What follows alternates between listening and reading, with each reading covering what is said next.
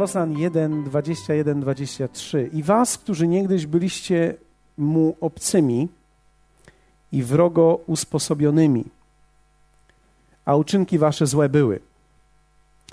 Teraz, słowo teraz odnosi się do Twojego dnia, kiedy narodziłeś się na nowo i do tej nowej rzeczywistości, w której chodzisz, to jest teraz. Pojednał w Jego ziemskim ciele przez śmierć, aby Was stawić przed obliczem swoim jako świętych i niepokalanych i nienagannych. Powiedzmy razem świętych, niepokalanych i nienagannych świętych, niepokalanych i nienagannych. Jeśli mielibyśmy wejść, ja nie chcę dzisiaj wchodzić w Grekę akurat jeśli chodzi o ten tekst, ale to jest powołanie Boże dla Ciebie i dla mnie, abyśmy żyli oddzielonym życiem dla Niego, czyli świętym życiem, abyśmy żyli życiem oddzielonym dla Niego, dlatego że Bóg chce, abyś Ty, abym ja, abyśmy my byli szczególną Jego własnością. To było zawsze Jego pragnienie, abyś Ty był Jego szczególną własnością abyś żył świadomością, że Twoje życie i Ty należysz do Niego. My nie należymy już do siebie, my należymy do Niego. Abyście byli święci, tak, niepokalani. Słowo czasami nam burzy nasza polskość, tak, niepokalani, ale dokładnie mówi niewinni, czyli ży, żyjący życiem oddzielonym nie tyle od świata w znaczeniu życia w świecie, ale od porządliwości świata czyli życia w modzie tego świata. To, co mam, tylko się liczy i to, kim jestem, jakie mam stanowisko, jakie litery przed moim nazwiskiem są i kto mnie zna albo kogo ja znam. Niepokalani to są ci, którzy mają inne priorytety. I nienaganni to znaczy w znaczeniu działania w swoim życiu. Czyli ja działam i żyję i funkcjonuję w zgodzie ze Słowem Bożym bo Słowo Boże jest moją naturą, tak samo jak jest Bożą naturą, bo zostałem zrodzony z Bożego Słowa. Ty zostałeś zrodzony z Bożego Słowa. Nie jesteś tutaj dlatego, że Kościół ci się spodobał, światło ci się spodobało, ja ci się spodobałem, ktoś ci się spodobał. Jesteś tutaj, bo Bóg zrodził ciebie ze swojego Słowa. Ty usłyszałeś Słowo i ono poruszyło coś w twoim wnętrzu i zostałeś zrodzony ze Słowa. Nawróciłeś się ze Słowa Jesteś ze słowa, więc masz naturę słowa. Wypełnianie słowa jest Twoją naturą. Wszystko poza tym jest poza Twoją naturą i to Ci szkodzi. Jedzenie wszystkiego, co jest poza naturą, z której pochodzisz, szkodzi Ci. Tak? Jesteście ze mną? Dobrze. Ci, którzy są dietetykami, rozumieją, o czym mówię. I teraz werset 23 mówi tak: Jeśli tylko wytrwacie w wierze.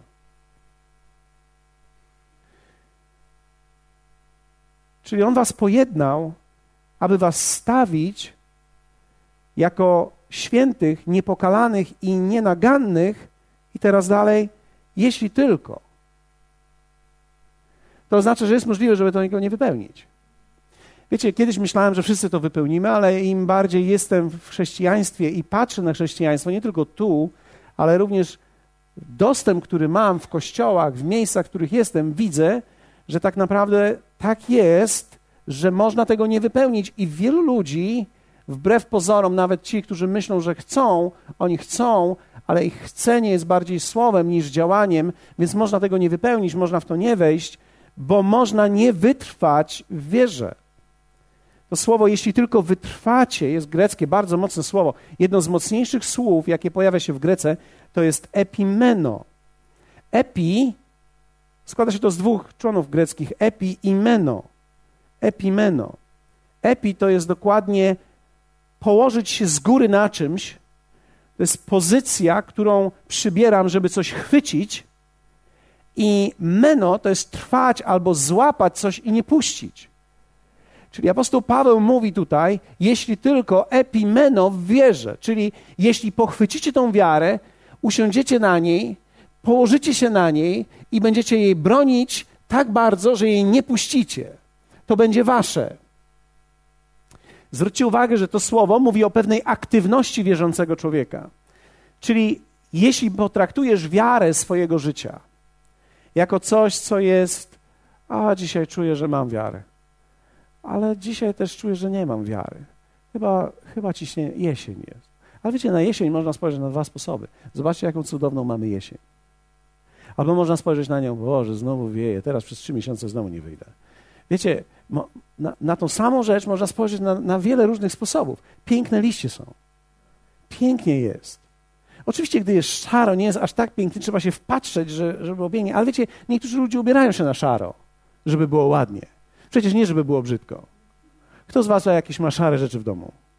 Niektórzy z was na szaro się dzisiaj ubrali. Grafitowo, szaro. Dlaczego? Nie po to, żeby było brzydko. Nie ubrałeś się i pomyślisz sobie, dzisiaj będę jesień. Wszyscy, którzy na mnie spojrzą, to będą w depresji. Nie. Ubrałeś się, bo chciałeś, bo to jest na ładnie, więc można na wszystko spojrzeć na różne sposoby. Więc zwróćcie uwagę, że to bardzo dużo zależy od tego, co jest we mnie. Czy ja potraktuję to jako coś luźnego, czy ja też jednak chwytę, chwycę co, coś i uchwycę to jako coś bardzo ważnego. Jeśli tylko wytrwacie w wierze. Powiedzmy razem greckie epimeno. Epimeno. Usiąść, złapać coś. Chciałbym to pokazać, ale e, to troszeczkę tak, jak Rafał złapał to Kongo dzisiaj, czy Bongo, czy jak to się nazywa. Kongo to może za dużo, bo Kongo większe jest chyba trochę. Bongosa złapał tego i on na nim prawie że usiadł, chwycił go między nogami i trzymał go w taki sposób i poklepywał go. To jest troszkę tak jak epimeno. Wyrwać mu, gdyby chciał, to nie byłoby takie proste. Chociaż jeśli chodzi o Rafała, Rafał by ci to oddał, bo on ma serce na dłoni. Jeśli tylko wytrwacie w wierze. Wiecie, odpowiedzią na wyzwania i problemy życia jest życie w wierze, nie rozwiązanie problemów. Ktoś może powiedzieć, ja, ja, ja będę się lepiej czuł, jak mi się problemy rozwiążą. E, prawdopodobnie nie, bo życie jest takie, że za chwilę znajdzie się nowy problem. Ostatnio ktoś dzwonił do mnie i powiedział mi w ten sposób, że wiesz, pastorze, kiedyś tak słuchałem i zacząłem to słyszeć, że ty mówisz, życie cię zaskoczy, życie cię zaskoczy, życie cię zaskoczy. I jakoś tak nie mogłem się z tym utożsamić. Pomyślałem sobie, a co to to życie może zaskoczyć wierzącego człowieka? Przecież nie może zaskoczyć wierzącego człowieka. Aż mówi, a, aż się przydarzyło to w moim życiu. I teraz już wiem, że życie może cię zaskoczyć. I już jestem zaskoczony. Nie, nie wiedziałem, że może mnie zaskoczyć. Ale rzeczywiście tak jest. Odpowiedzią na wyzwania i problemy życia jest życie w wierze, nie rozwiązanie problemów. To znaczy, problemy będziesz rozwiązywał i wiara pomoże ci rozwiązywać problemy i pokonywać problemy, ale nie możesz czekać, aż rozwiążesz wszystkie problemy, żeby się dobrze poczuć. Nigdy się dobrze nie poczujesz, jeśli nie zaczniesz żyć w wierze. Większość chrześcijan, jak, wiecie, jest wierzącymi z natury, ale nie są wierzącymi z praktyki życia. Bardzo mi się to podobało, co słuchałem u Marka i Beatki, którzy mówili tydzień temu, kiedy mówili o swoich przykładach wiary, o tym, w jaki sposób mieli pewne zwycięstwa w wierze i o tej koncepcji wiary, która, mogłem to wyczuć pomiędzy wierszami, nie jest tylko i wyłącznie teorią, którą wykładają, ale są pewnym stylem życia, który jest w nich i o który walczą.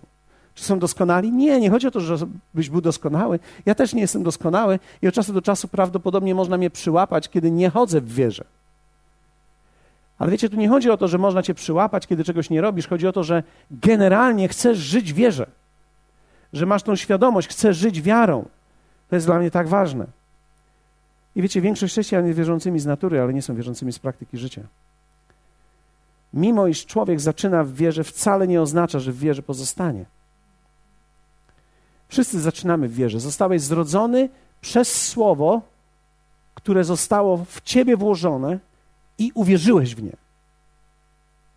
I kiedy uwierzyłeś w to słowo, to był Twój akt wiary, wyznanie, Twoje przyznanie się, za którym poszedł chrzest, ponieważ gdy wierzysz, działasz i czynisz.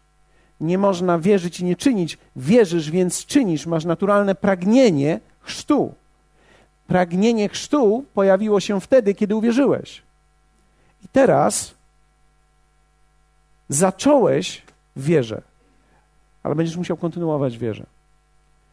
Wiecie, jedna z większych rzeczy i wyzwań życia to jest umiejętność kontynuowania, a nie rozpoczynania. Możemy zacząć w małżeństwie, ale kontynuowanie małżeństwa jest wyzwaniem.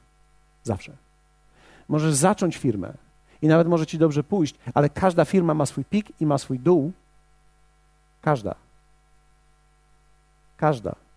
Nigdy w życiu nie osiągniesz zwycięstwa, idąc cały czas w górę. To jest niemożliwe.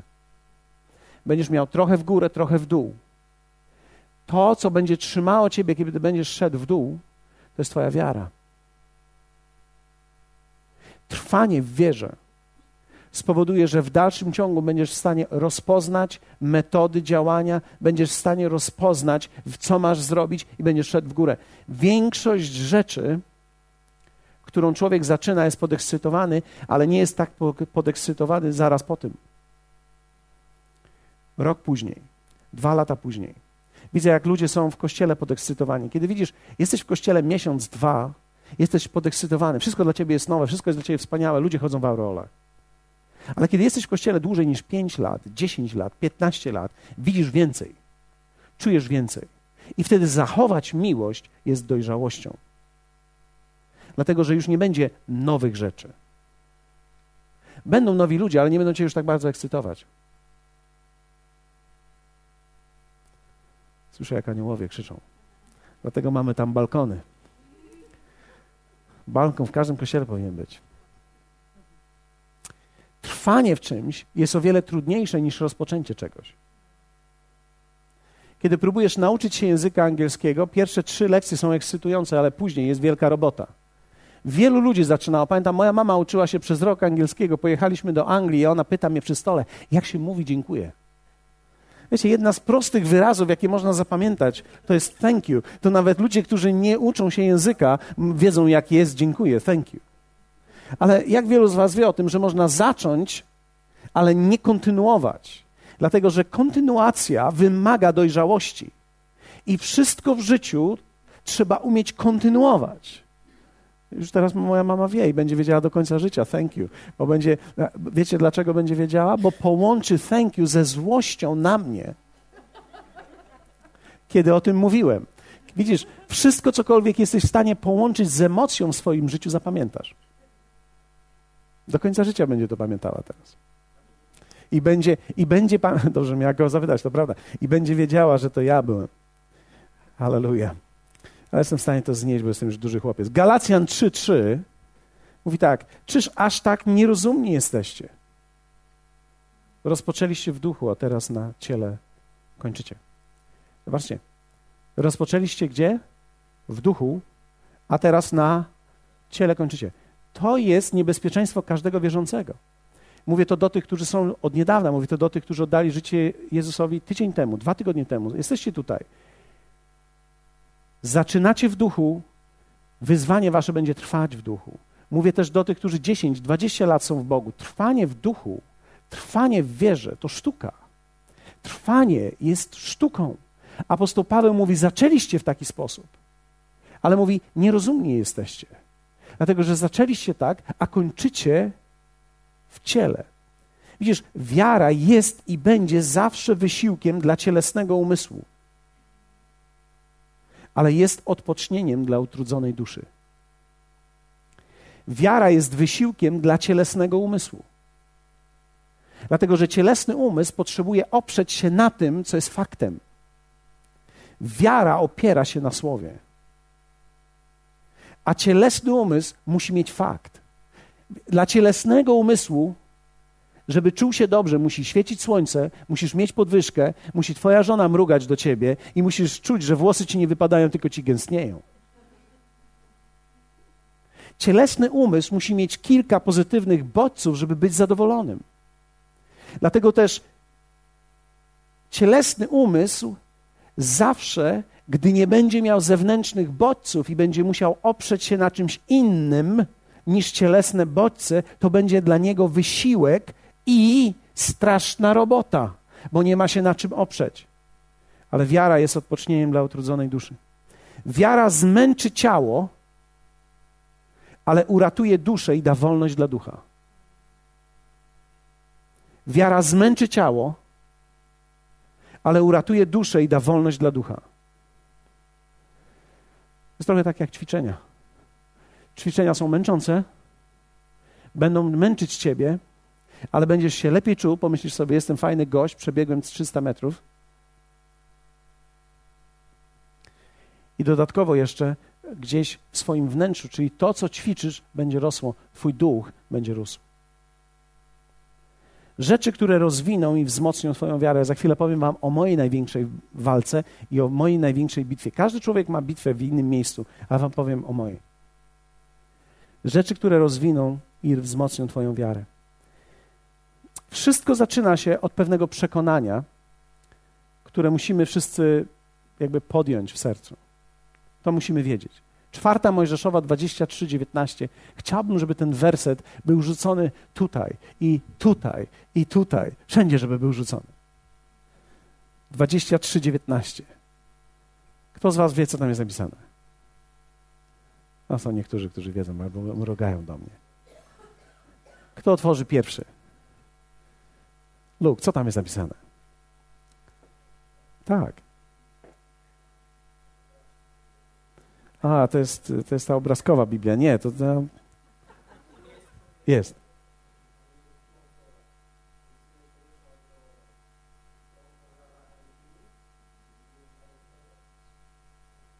Bóg nie jest człowiekiem, aby nie dotrzymywał słowa, ani synem człowieczym, aby żałował w zamyśle to, co powiedział. Czyli Bóg nie wyraża czegoś i nie mówi: Oj, przepraszam, nie miałem tego na myśli. Kiedy Bóg coś powie, tak jest i tak będzie. I tekst mówi, czy On powiada, czyli czy On coś mówi, a tego nie czyni? I czy coś mówi, a nie spełnia? I to słowo jest spełnia w kontekście obietnicy. Czy On daje obietnicę, której nie spełnia? No i teraz każdy z Was może pisać tekst. No ja myślę, że tak, bo przecież Bóg wiele rzeczy mówi i tego nie robi. Bo niektórzy ludzie mówili, że Bóg mówi to i tamto, a tego nie ma. Widzisz, to, że czegoś nie ma w życiu kogoś, nie mówi o tym, że Bóg nie wypełnia tego, co powiedział. Bóg zawsze wypełnia to, co mówi. Cokolwiek powiedział w swoim słowie, wypełnia to. Zawsze. Bezwarunkowo. Jeśli to nie jest w tobie ukształtowane, wiara nie jest tak naprawdę podniesiona do poziomu, w którym może działać. Ja nie chcę powiedzieć, że nie masz w ogóle wiary. Masz, ale musisz ją podnieść do poziomu całkowitego zaufania Jemu. Wiara jest chęcią i gotowością zaufania charakterowi Bożemu. Nie tylko Jego słowo, bo widzisz, słowa, ja nie, nie, ja słowo nie zawsze muszę rozumieć, prawda? Wiecie, czasami y, czytasz słowo, ktoś z Was ma teksty Biblii, których do końca nie rozumie? Są takie teksty, których możesz do końca nie rozumieć, i ty nie wiesz dokładnie, jak to zaaplikować w swoim życiu, ale masz całkowite zaufanie do Bożego charakteru. Czyli wiesz, że Bóg jest dobry i że ty jesteś Jego dzieckiem i że On będzie współdziałał ku dobremu i że będzie działał ku Twojemu dobru i będzie działał dla Ciebie. Dlatego to musi być ustanowione w nas. Bóg nie jest człowiekiem, aby nie dotrzymał słowa. Ktoś z Was zna człowieka, chociaż jednego, który nie dotrzymuje słowa? Wiem, większość z Was powie, to mój mąż. E, niektórzy powiedzą, to moja żona. Niektórzy powiedzą, to ktoś jeszcze inny. Mamy ludzi w autorytecie, którzy nam zawie nas zawiedli. Mamy ludzi bliskich, którzy nam zawiedli, którzy nas zawiedli. Mało tego, sami siebie zawodzimy. Nie trzeba daleko szukać. Ja sam nie dotrzymałem sobie słowa. Powiedziałem, nie będę dzisiaj słodził. Posłodziłem. Bo pomyślałem sobie, no nie przejdę tej gorzkiej herbaty. A więc obiecałem sobie coś i nie mogłem tego dotrzymać. Więc człowiek sam nie zachowuje słowa względem siebie. Wstanę o 6 rano i będę się modlił. 6 rano i mówisz tak, wstanę, ale jutro. Myślisz sobie, ja jestem taki zmęczony, jestem, nie mogłem spać, przewracałem się, psy mnie zaatakowały w nocy. Wszyscy mnie zaatakowali. Myślisz sobie, jestem taki zmęczony. Ja jeszcze pośpię trochę. Bóg nie jest człowiekiem, aby nie dotrzymywał słowa, ani synem człowieczym, aby żałował. Pierwsze. Rzeczy, które rozwiną i wzmocnią Twoją wiarę. Wśród nich będzie to, o czym, na czym się zawieszę i powiem parę słów więcej. Pokonaj w sobie porażkę z poprzednich upadków. to wzmocni Twoją wiarę i rozwinie ją. Nie pozwól, aby to, co było, okradało Ciebie z tego, co może się stać. Im dłużej będziesz żył, tym będziesz miał więcej historii. Wiecie, że kiedy człowiek ma 16 lat, nie ma za dużo historii, ale kiedy masz 46 lat, 56 lat, już masz historię. Masz historię zawodów. Nawet kiedy masz 36 lat, my mamy teraz dosyć dużą grupę 30-latków w kościele. To jest wspaniała grupa, to jest, to, to jest wspaniała grupa ludzi za, zarobionych. 30-40-latkowie to są ludzie, którzy szukają sensu i pieniędzy w życiu. A może odwrotnie, pieniędzy i sensu. Najpierw poszukamy pieniędzy, a później jak znajdziemy, to poszukamy sensu. Więc my mamy ciekawą grupę w kościele. Ale, ale rzeczywiście tak jest, że mamy historię, mamy rzeczy, które nam wyszły i mamy rzeczy, które nam nie wyszły. Im dłużej jesteś i żyjesz, masz zerwane relacje, masz przyjaźnie, masz zdrady, masz różnego rodzaju porażki zawodowe, próbowałeś założyć firmę, coś nie wyszło, próbowałeś pracować gdzieś, zbyt długo pracowałeś, nie wyszło, próbowałeś się z kimś zaprzyjaźnić, nie wyszło, próbowałeś zacząć firmę, nie wyszło. Im dłużej żyjesz, tym będziesz miał więcej porażek porażki będą częścią Twojego życia, są częścią życia każdego człowieka. I wiecie, można przysiąść na porażkach, i wtedy wiara nie dźwignie się, i będziesz żył przeszłością, będziesz żył w tym lusterku, patrząc do tyłu cały czas. Nie można jechać do przodu, kiedy człowiek cały czas patrzy do tyłu. Nie da się. Nie da się patrzeć w lusterko wsteczne i, i myśleć, ja dojadę gdzieś. Bo ty nie widzisz, gdzie ty jedziesz, ty patrzysz, skąd ty wyszedłeś. I cały czas ci się przypominają twoje upadki i rzeczy, które były, grzechy, rzeczy, których sam zawiodłeś, rzeczy, gdzie zawiodłeś kogoś, rzeczy, gdzie zawiodłeś Boga, momenty, w których czułeś, że Bóg cię zawiódł. Każdy ma takie momenty. Ktoś z was nie miał takich momentów?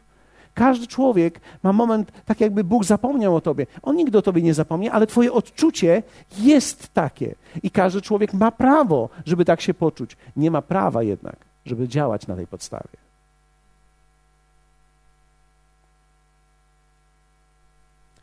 Dlatego, że ja mam prawo czuć, że żona mnie nie kocha, ale nie mam prawa działać na tej podstawie. Bo to nie są fakty, to są moje odczucia. Każdy człowiek czasami czuje się zdystansowany w stosunku do drugiego człowieka.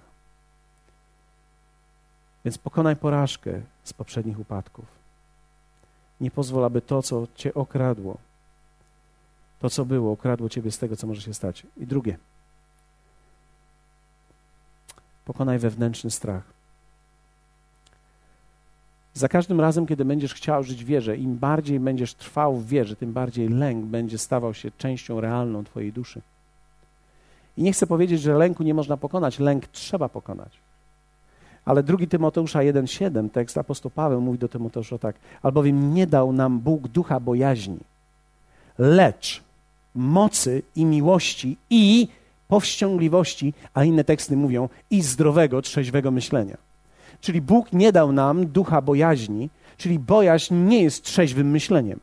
Bojaźń jest emocją, kiedy człowiek patrzy na to, co może się stać negatywnego.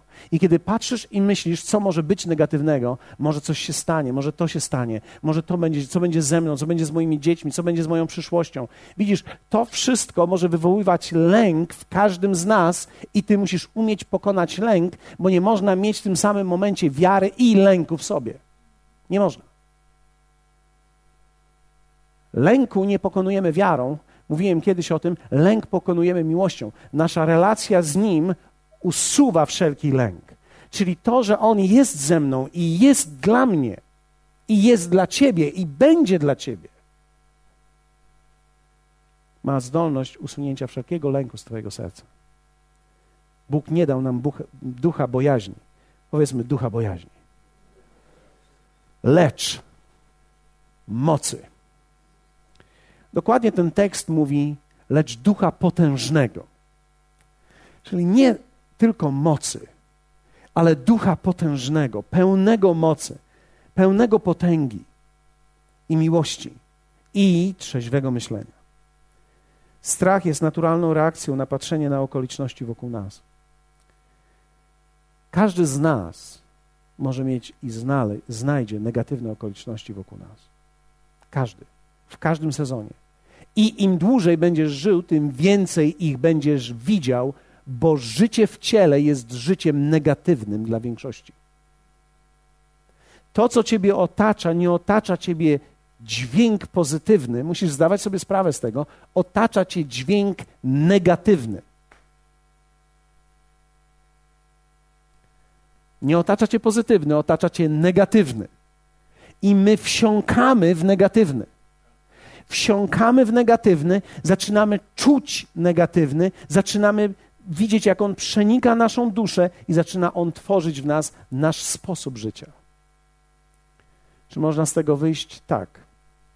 Ale trzeba silniki na pełną parę wrzucić, żeby od tego uciec. Trzeba umieć od tego odejść.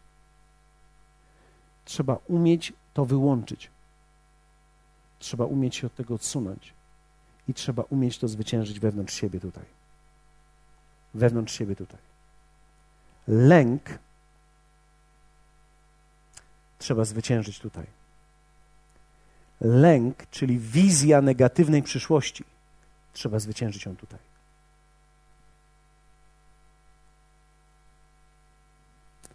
Bóg mówi: Ja wiem, jakie mam myśli o Was. Myśli o przyszłości. Chcę Wam zgotować przyszłość. Więc Bóg ma wizję pozytywną Twojej przyszłości.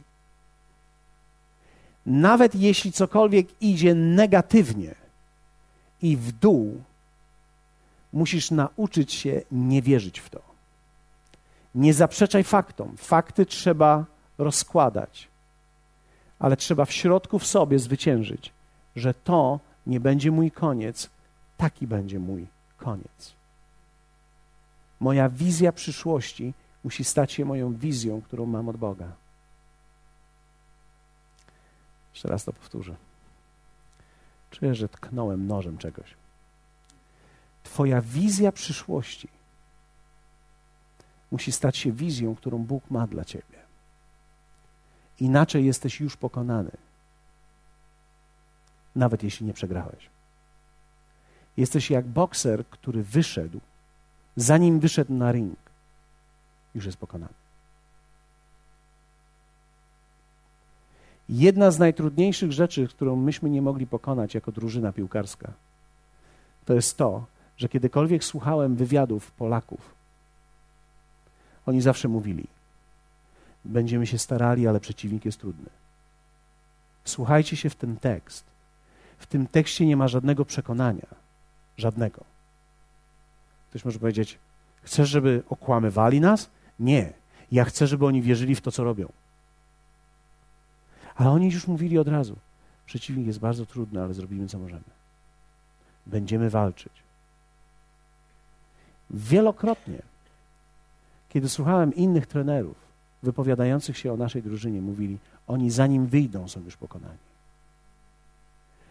To jest bardzo ciekawe, ale my w Polsce żyjemy na tym. My nazywamy to uczciwością, my nazywamy to szczerością. Powiem ci, jak jest. Chcesz wiedzieć, jak jest? Ja nie chcę wiedzieć, jak jest. Dlatego, że większości ludzi nie mówi tak, jak jest, w sensie chciałoby, żeby było, nie idą w żadną stronę, tylko opisują to, jak jest źle. I nawet jeśli nawet tak źle nie jest, to opiszą to tak, jakby było tak źle, że, że już że jest gorzej niż jest.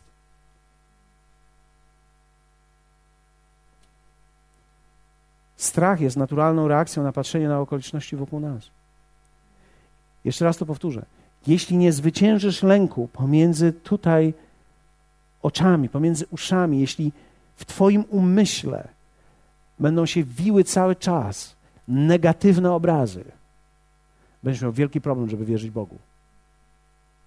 Nie wzrośniesz w wierze i nie zwyciężysz. Ktoś z Was jest zainteresowany w ogóle?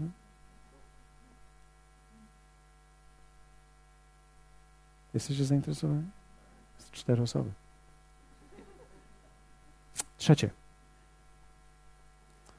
To jest coś, co było najtrudniejsze dla mnie. Pokonaj zwątpienie. Musisz pokonać zwątpienie. Andrew Womach nazywa to niewiarą. Można mieć wiarę w sercu i zwątpienie w umyśle. Dlatego można mieć w tym samym momencie i wiarę, i zwątpienie. Dlatego też w Biblii mamy tekst: Wierzę, mówi apostoł, pomóż niedowiarstwu memu. Wyznaję wierzę, pomóż niedowiarstwu memu. Mam wiarę, ale mam w tym samym momencie zwątpienie i niedowiarstwo. Wiara nie jest w umyśle. Wiara jest przekonaniem w sercu. Umysł może walczyć, bo widzi naturalne, ale tylko Twój duch i Twoje wnętrze może utożsamić się ze Słowem, bo tylko w duchu jest wiara, nie w umyśle. Jesteście ze mną. Zwątpienie rodzi się w naszym umyśle i męczy nas. Człowiek się męczy nie dlatego, że nie ma wiary, ale męczy się, gdy prowadzi bój w zwątpieniu. Dlatego, że Twój umysł przeżywa kolosalną bitwę pomiędzy tym, co chcesz i czujesz w sercu, żeby było, i tym, co widzisz wokół ciebie jako fakty negatywne. Ktoś się nie nawrócił, zamiast lepiej jest gorzej, zamiast mieć więcej pieniędzy, mam mniej pieniędzy, zamiast, zamiast iść w górę, idę w dół, zamiast być lepiej w małżeństwie, jest gorzej, pokłóciliśmy się jeszcze bardziej wczoraj. Za... To tylko taki przykład, tak? Nie było aż tak bardzo. Więc, więc dokładnie tak to jest. Naturalny człowiek rozpoznaje to. Natomiast duchowy człowiek marzy i chce słowa. To była moja największa walka do tej pory. I to jest największa bitwa. Widzisz, bitwa jest przegrana lub zwyciężona w umyśle, nie w duchu. W umyśle, nie w duchu. Dlatego list do Rzymian, 12 rozdział, mówi nam dokładnie to. Przemieńcie się przez odnowienie umysłu. Dokładnie te słowa można byłoby przetłumaczyć: przemieńcie się w sposobie swojego myślenia. Czyli nie chodzi o to, że źle myślisz to, o czym myślisz, ale zły masz sposób myślenia. Analizujesz fakty, uznając je za prawdę, a to, co jest wewnątrz ciebie prawdą i w słowie, co jest prawdą, nie jest dla ciebie prawdą. To, co widzisz, jest prawdą. Jesteście wsłuchani?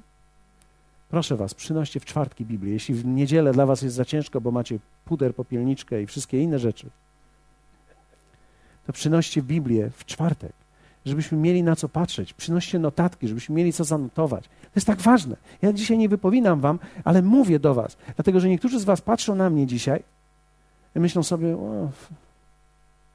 nie mam co robić generalnie. Słucham.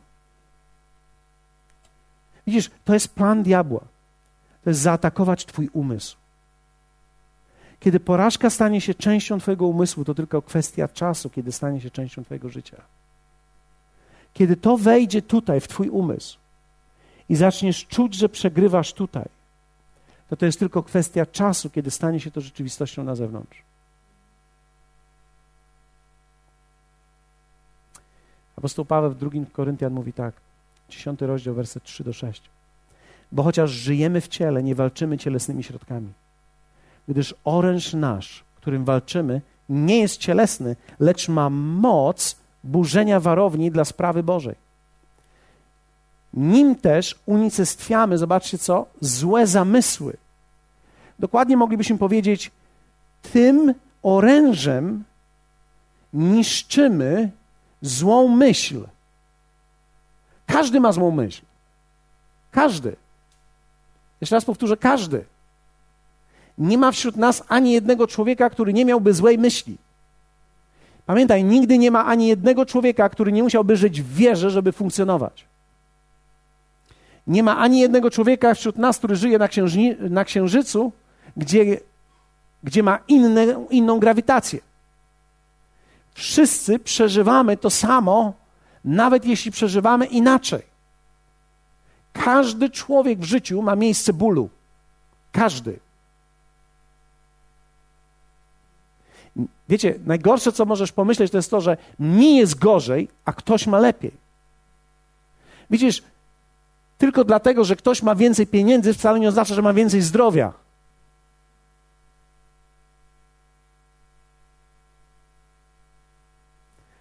Kto zamieniłby się na co?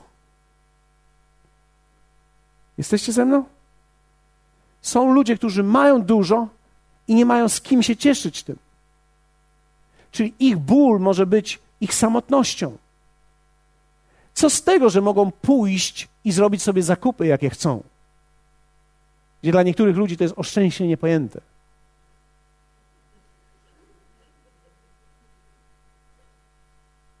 Ale widzisz, co byś wybrał? Mieć z kimś możliwość posiedzenia i porozmawiania, że ktoś ma bratnią duszę, czy też być samotnym i móc zrobić to, co chcesz. Bo ktoś może powiedzieć, no tak, ale przyjaciół bym sobie kupił. Widzisz, kupieni przyjaciele opuszczają cię, gdy przestajesz mieć. I gdy przestajesz dawać. To mówi Biblia, to nie ja powiedziałem. Gdyż oręż nasz, którym walczymy, nie jest cielesny, lecz ma moc burzenia warowni. Czyli ty masz oręż. Ty masz moc. Ty masz i będziesz musiał burzyć warownie. Nie moje, swoje. Problem jest taki, ja nie mogę zburzyć twojej warowni. Ja bym chciał, jak ja bym chciał wejść do umysłu mojej żony i w dniu, kiedy ona ma zły dzień, pobić jej myśli samemu. Jak ja bym chciał wejść, albo jak ja bym chciał, żeby ktoś w moim złym dniu wszedł we mnie i pobił wszystkie negatywne moje myśli. Kiedy siedzę na krześle i, i mam swoje własne samoużalanie się nad sobą, taką lekcję, taki dzień, taki moment. O, jest mi tak źle, oj, tak mi jest źle. Jak ja bym chciał, żeby w tym momencie ktoś, mocarz jakiś, wszedł w środek mnie i, i rozprawił się z tym i powiedział, no, uporządkowałem, teraz jest dobre. To jest troszeczkę tak, jak, wiecie, nasz umysł to jest jedyne mieszkanie, którego nikt nie posprząta z wyjątkiem ciebie. Widzisz, w mieszkaniu, jak z kimś mieszkasz i po, będziesz bałaganił, to jeszcze się znajdzie żona, e, dziecko, no, ktoś się znajdzie, może, może ci posprząta. Mąż, żona powiedziała, mąż przecież też to jest możliwe.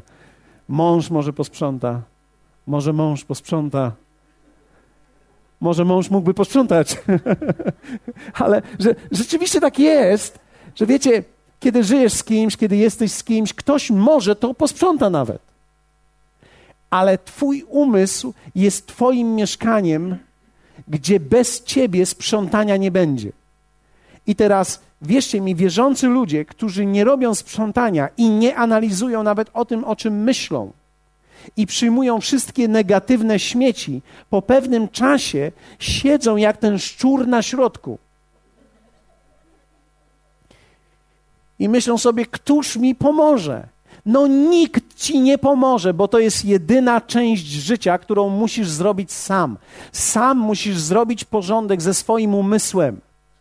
I wiecie, jeden z pięknych, piękniejszych momentów życia to jest moment, w którym człowiek, który przeżywa trudne chwile, sam mówi w ten sposób: To już jest koniec.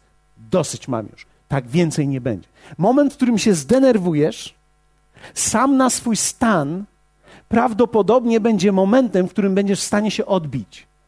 I ja mam nadzieję, że ten stan będziesz miał naprawdę mocny kiedy powiesz: Ja już mam dość tych negatywnych myśli w mojej głowie. Ja muszę włożyć w siebie słowo i ja będę żył tym słowem. To się nie stanie jednego dnia. Decyzję podejmiesz jednego dnia, ale ty będziesz musiał robić to konsekwentnie, dlatego że bałaganu dużego nie da się posprzątać od razu. To jest trochę tak, jak robisz remont w domu i szlifujesz ściany. W jednym miejscu szlifujesz ściany i masz wszędzie pył. I, I, nie ma znaczenia, że posprzątałeś raz, dwa dni później masz znowu pył, nie wiesz dlaczego, ale pył ciągle jest. Tak będzie. Ale po roku już nie będzie pyłu. Będzie inny pył.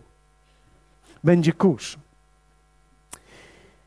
Ten oręż, którym walczymy, nie jest cielesny, lecz ma moc burzenia warowni dla sprawy Bożej. Nim też unicestwiamy złe zamysły. Ja mówię szybciej, bo mam tylko trzy minuty złe zamysły i wszelką pychę podnoszącą się przeciw poznaniu Boga i zmuszamy wszelką myśl do poddania się w posłuszeństwo Chrystusowi, gotowi do karania wszelkiego nieposłuszeństwa, gdy posłuszeństwo wasze będzie całkowite. To jest mocny tekst. Jeden z mocniejszych tekstów Nowego Testamentu. Tekst, który mówi o wierze. Werset piąty zaczyna się i wszelką pychę. Większość z nas myśli, że jesteśmy pokornymi ludźmi. Łatwiej jest widzieć pychę u innych ludzi. Ale widzisz, pycha to nie jest arogancja zawsze. Pycha to nie jest coś takiego, co? To nie zawsze jest tak. No a co? To nie jest pycha. Ani pokora nie wygląda tak. To też nie jest pokora. To może nawet jest głupota. Wiecie, najgorsze jest to, że można zagrać w Polsce na pokorę i mieć wielką pychę.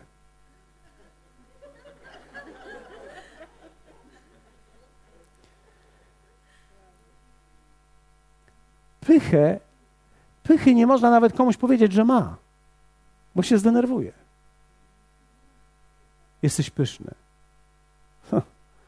Spróbuj to komuś powiedzieć. Ale jeśli potrafisz to zobaczyć, że każdy rodzaj, każdy rodzaj innej myśli, do której przylgnąłeś, niż Słowo Boże, jest wyrazem Twojej pychy.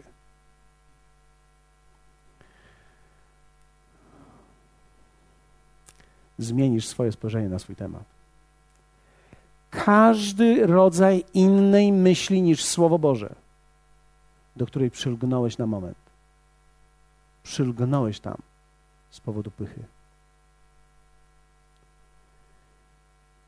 Nikt nie przylgnie, gdy nie ma pychy. I ponieważ w środku jesteśmy nieświadomi, że ją mamy, mamy tendencję do myślenia w cielesny sposób. Dlatego apostoł Paweł mówi: wszelką pychę, która się podnosi przeciwko poznaniu. I to greckie słowo nie jest ginosko, ale to greckie słowo jest, które mówi o wiedzy, o obrazie, który mamy. Czyli jest pewien obraz Boga. Moja pycha przylgnie do zupełnie innego obrazu i innej myśli. I ja muszę ją złamać w sobie, rozpoznać i uniżyć się przed Nim. I powiedzieć, niezależnie od tego, co widzę, Twoje słowo jest prawdą, bo nie możesz kłamać. Ty nie możesz kłamać. Ty nie możesz kłamać nie możesz kłamać. Tak się cieszę, że Rob Thompson tak wielokrotnie mówił to. On nie może kłamać, on nie będzie kłamał i, i tak dalej. Powtarzał to, aż mi się wszystko zamieszało, ale jedno jest pewne, on nie może kłamać. On nie mo- cokolwiek powiedział jest prawdą. Jego słowo nie jest tylko tekstem, jest rzeczywistością, w której można żyć. W której żyli ludzie przez dwa tysiące lat, którzy mieli mniej rzeczy niż my mamy, którzy mieli mniej możliwości, żeby się cieszyć niż my mamy. I żyli tym przez dwa tysiące lat. Żyli tym, radowali się i zwyciężyli. I niektórzy żyli wiarą, i Biblia mówi, że nawet nie osiągnęli tego do końca, w co wierzyli. Bo widzisz, nawet nie chodzi o to, czy to, w co wierzysz, osiągniesz od razu. Chodzi o to, żebyś żył wiarą. To jest Twoje powołanie. Lepiej jest umrzeć w wierze, wierząc o coś, niż przestać wierzyć, ponieważ i tak tego nie osiągnę za życia. Biblia nazywa zwycięzcami wszystkich tych, którzy wierze żyli, nawet gdy nie osiągnęli. List do Hebrajczyków. Biblia nigdy nie nazwała zwycięzcą nikogo, kto, kto tylko osiągnął, ale nawet ci, którzy nie osiągnęli, ale trwali w wierze, są bohaterami wiary i są wzorem dla nas.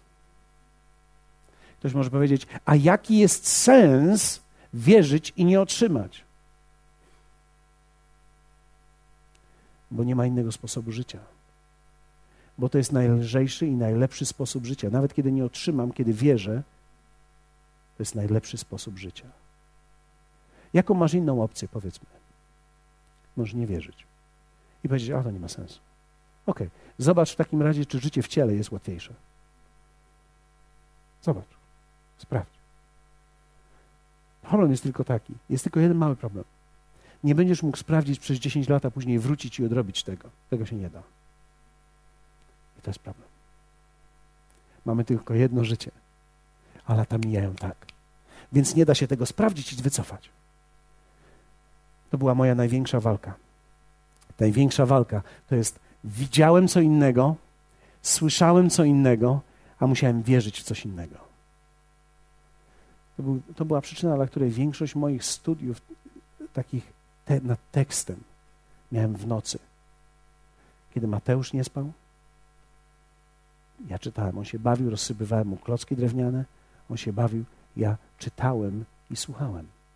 Nawet teraz nocami czasami wstaję, ponieważ w tej ciszy, która do mnie nie mówi, ja mogę słyszeć. Dlatego, że jest walka, którą nikt nie zwycięży. To jest walka nad Twoim zwątpieniem, które jest tutaj. Podjąłem decyzję, że będę walczył z tym. Dlatego, że są ludzie, którzy mówią, są opinie, okoliczności, samopoczucie, środowisko, w którym jestem. Czy wiesz o tym, że środowisko, w którym jesteś, ma na ciebie wpływ?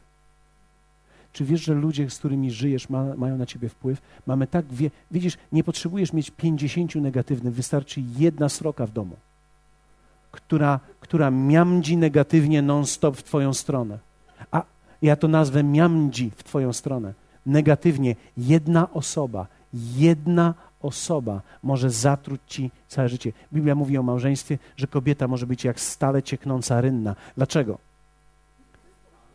Może tak być. Tak. I wiecie, choćby, choćbyś miał całą kanalizację poprawną i cały dach szczelny, jedna osoba może irytować cię tak, jak nic na świecie. Tak jest już. Mamy ludzi, mamy opinie, mamy okoliczności, mamy samopoczucie, środowisko, mamy mentalność w domu, w którym się wychowałem. Ja wychowałem się w jakimś domu. Kiedy słucham o tym, jak było w tym domu, myślę sobie, jak wiele muszę pracy wykonać, żeby odbić się od tej mentalności, w której wzrastałem. Każdy z nas wzrastał w jakiejś mentalności. Cieszę się, jak Beatka mówiła, Marek również o tym mówił. Beatka mówiła o mentalności domu. Kiedy myślała o ojcu, to myślała o kimś dalekim. Kiedy myślała o konfliktach, to jest zaraz trzy dni braku rozmowy. Dlatego, że każdy z nas ma pewien kod, który wyniósł z domu. I musimy tak naprawdę przez słowo zwyciężyć nad tym kodem. Pomyślałem sobie, wiecie, ludzie na południu są bardzo ciepli, mają korzenie i tak dalej. My mamy tutaj zaburzańskie towarzystwo w większości. I pomyślałem sobie, to jest bardzo interesujące, ale, ale wiecie, pomyślałem sobie tak pastor Rick, kiedy ostatnio z nim rozmawiałem, pytałem go, jak, jak wszystkie kościoły. I on mówi tak, wszystkie dobrze z wyjątkiem Ukrainy. Mówi tak, wszędzie dobrze. W Rosji, w Rosji jest tak, że jak położy, postawi ktoś flagę, to wszyscy biegną do tego, który postawił flagę. A mówi, a na Ukrainie jest tak, że jak ktoś wystawi flagę, to wszyscy strzelają do tego, który wystawił flagę. Pomyślałem sobie, skądś to znam? Toż to jak u nas. Jak na naszej koszalińskiej ziemi. I, I rzeczywiście tak jest. I teraz, czy można to pokonać? Tak, można pokonać.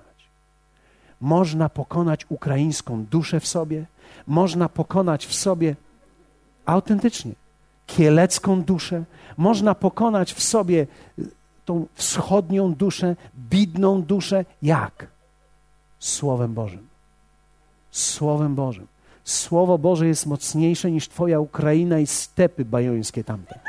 Słowo Boże jest mocniejsze niż cokolwiek, w czymkolwiek byłeś. Wiecie, wierzcie mi, zawiść, która jest w społeczeństwie. Tu nie chodzi o to, żeby moja krowa miała się tak dobrze jak jego krowa. Chodzi o to, żeby jego zdechła. Nam, my, my Wiecie, my żyjemy w społeczeństwie, które nawet nie ciągnęło w górę, bo nie chodziło o to, że my mieliśmy ambicje, chodziło o to, żeby tamtemu zdechło, żeby tamtemu padło. My żyjemy w takim społeczeństwie. Czy można to pokonać? Prawdopodobnie niektórzy z Was, dlatego się śmiejemy, bo rozpoznajemy te rzeczy w nas, rozpoznajemy to w środowiskach, w których mieszkamy, w których żyjemy. To jest. Czy można to pokonać? Tak, można to pokonać Słowem Bożym ale to będzie walka Twojego życia. Czy chcesz tą walkę stoczyć i zwyciężyć, będzie ciągle Twoją decyzją. Wybaczcie, że tak się ekscytuję, ale dokładnie tak jest, jak mówię. Ja wierzę w to w dalszym ciągu, że są ludzie, którzy zdecydują, że tą walkę podejmą i zwyciężą w sobie. Można się odstepić i odukrainić.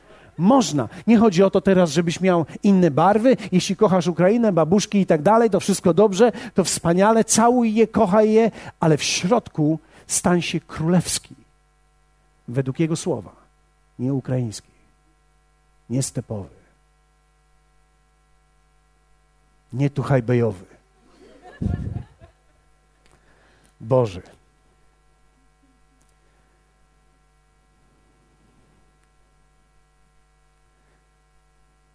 No cóż. Za tydzień mamy pierwszy listopad, więc nie mamy spotkania. Mamy we wtorek tylko dla OP. Za tydzień nie ma spotkania, ale w niedzielę będziemy coś mówić, więc może w niedzielę zrobię coś z tego.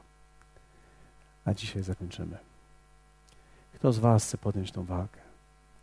Posłuchajcie mnie, wierzący. Posłuchajcie mnie. To będzie walka wszystkich nas. To jest walka na śmierć i życie. Diabeł nie walczy o Twój dom, nie walczy o Twoje zdrowie. Diabeł nie walczy o Twoje pieniądze. Diabeł walczy o Twoją wiarę. O Twoją wiarę. Jeśli zabierze Ci trwanie w wierze, nawet jeśli co innego będziesz miał w życiu, straciłeś. Bo w życiu nie chodzi o to, żeby być pięknym, zarobionym, nie zarobionym, tylko zarobionym. I nie chodzi, żeby być gwiazdą. Chodzi, żeby wypełnić Jego wolę i zrobić to wszystko, do czego nas powołał.